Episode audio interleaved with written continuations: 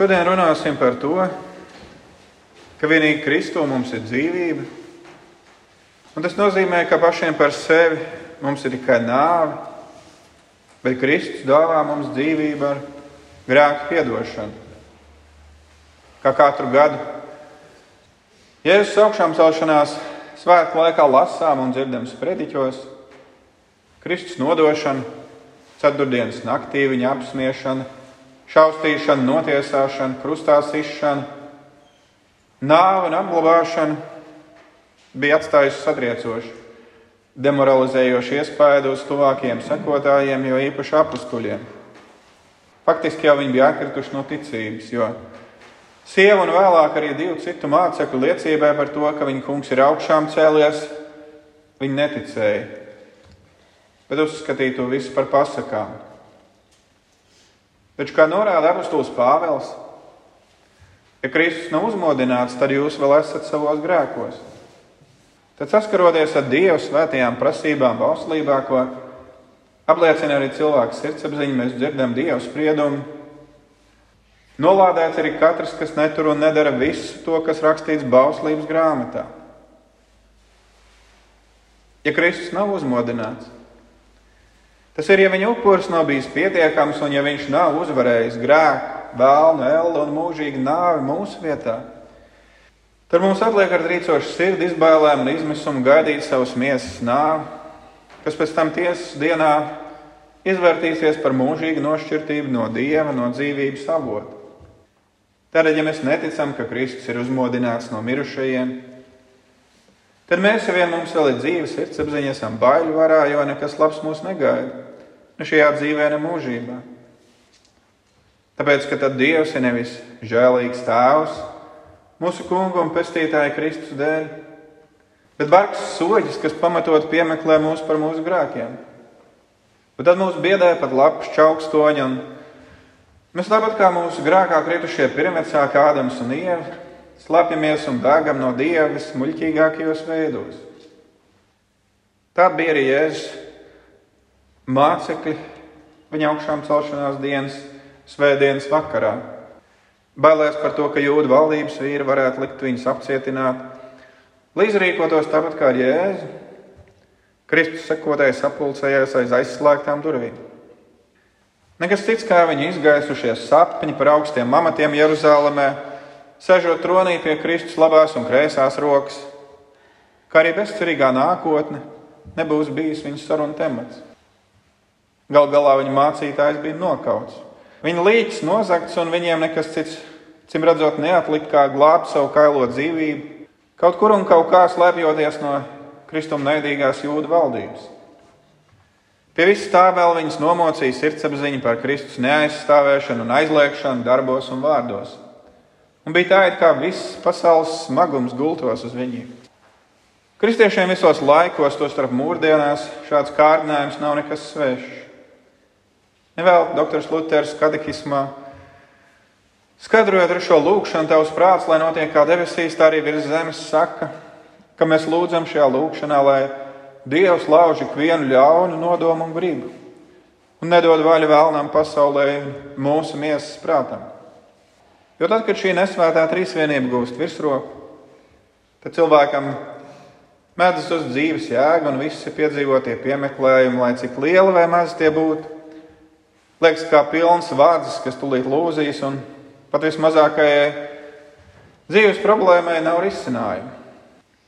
Savukārt, tad, ja bauslība nav satriekusi cilvēku sirdi, viņš mēdz būt drošs un pārgalvīgs, un viņam, tā sakot, jūri līdz ceļiem. Ne no cilvēka, ne dieva soda viņš nebaidās un dara, kas viņam pašam ienāk prātā. Šāda pilnīga samaitātība un atsvešinātība no dieva Cilvēkam dzīvojot baiļu bezcerībā vai augstprātīgā pārgalvībā, pēc definīcijas sauc par garīgu nāvi. Šī garīgā nāve ir tas, kas mums, vai konkrētāk mūsu dabiskajam cilvēkam, pieder pašam par sevi. Kad atzīmē mūsu ticības apliecības, savus grēkus pēc bauslības īsti neatzīdam, cilvēki kļūst vai nu par liekuļiem, kādi kādreiz bija farizēji, vai arī krīt izmisumā kā jūda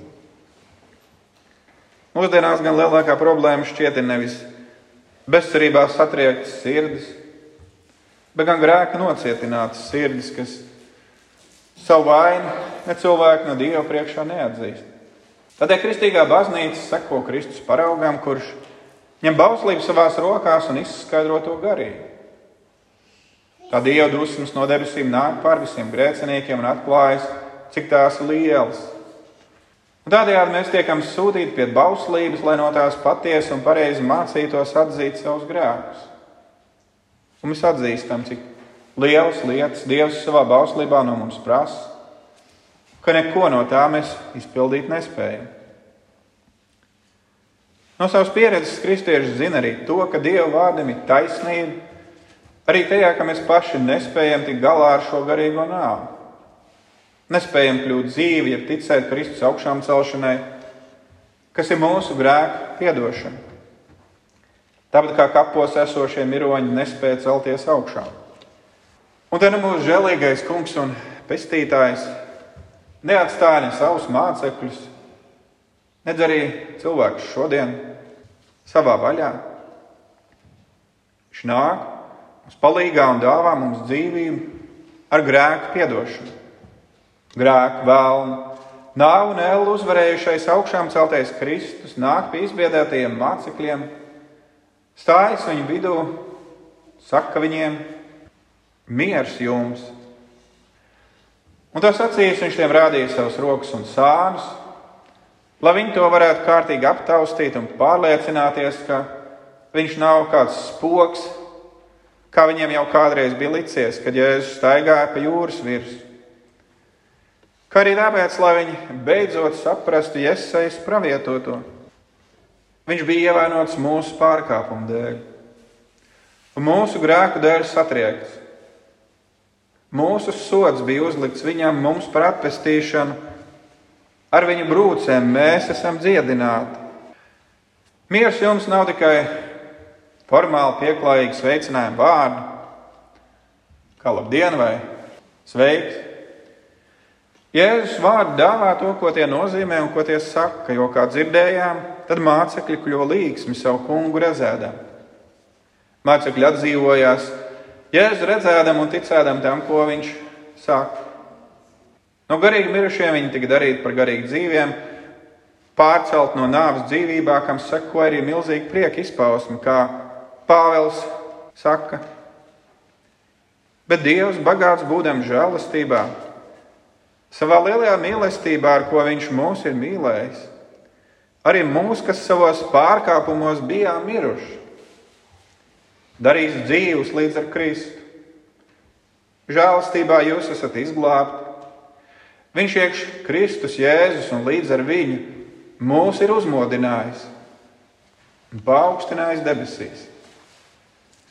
Miers jums faktiski ir Jēzus absolūcija mācekļiem, viņu grēku piedošana. Katru pat vēstulē Efeziešiem Pāvils paskaidro, Kristus ar savu krusta nāvi izpirkdams mūsu grēkus, panāca mieru ar Dievu un deva mums pieeja tēvam.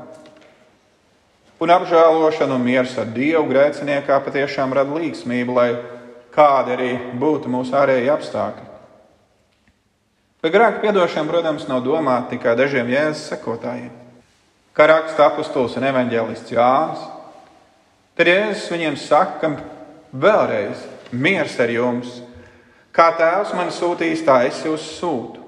To sacīs viņš dvēseli Sacīja viņiem, ņemiet svēto garu, kam jūs grēkus piedosit, tiem tie būs piedoti, kam jūs tos paturēsiet, tiem tie paliks.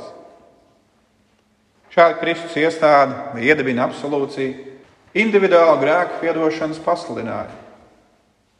Kad lasām Bībeli vai katehismu, dzirdam sprediķī vispārēju žēlastības apsolījumu pasludinājumu, mēs vienmēr varam tik kārdināt domāt, ka uz mums jau nu tas neatiecas.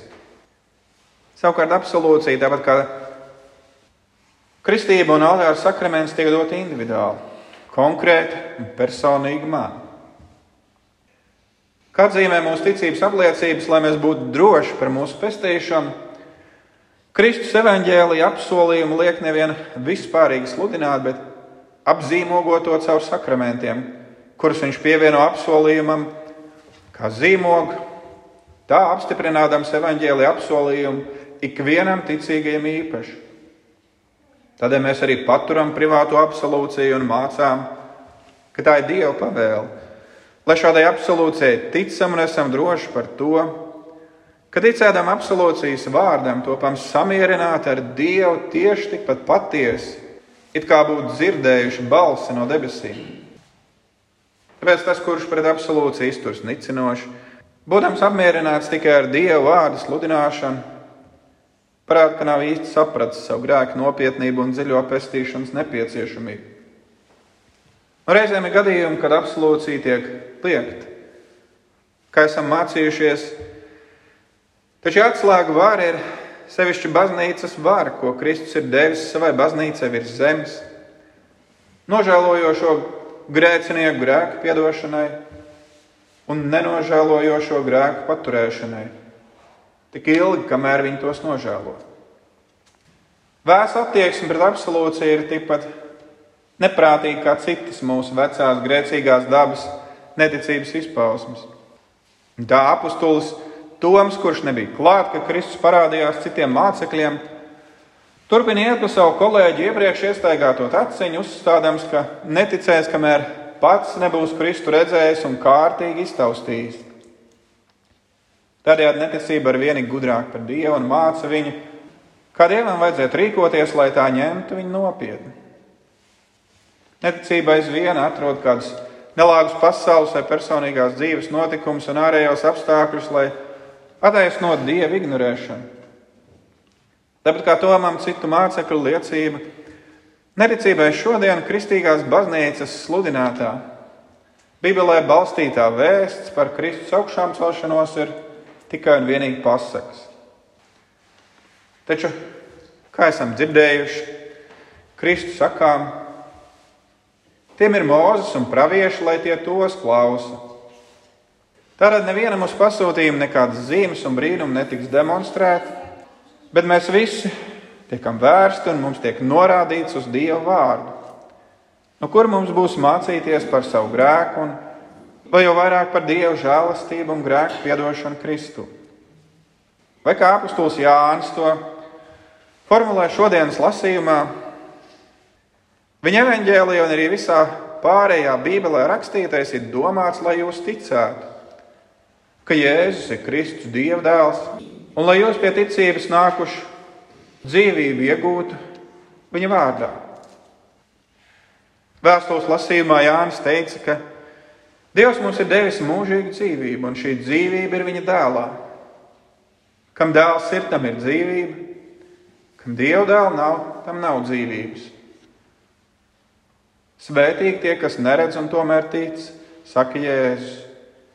Par tiem, kur pēc viņa vārdu lasīšanas vai uzklausīšanas pazemīgā bijībā par Jēzu saka: Mans kungs un mans dievs, mana dzīvība. Āmen!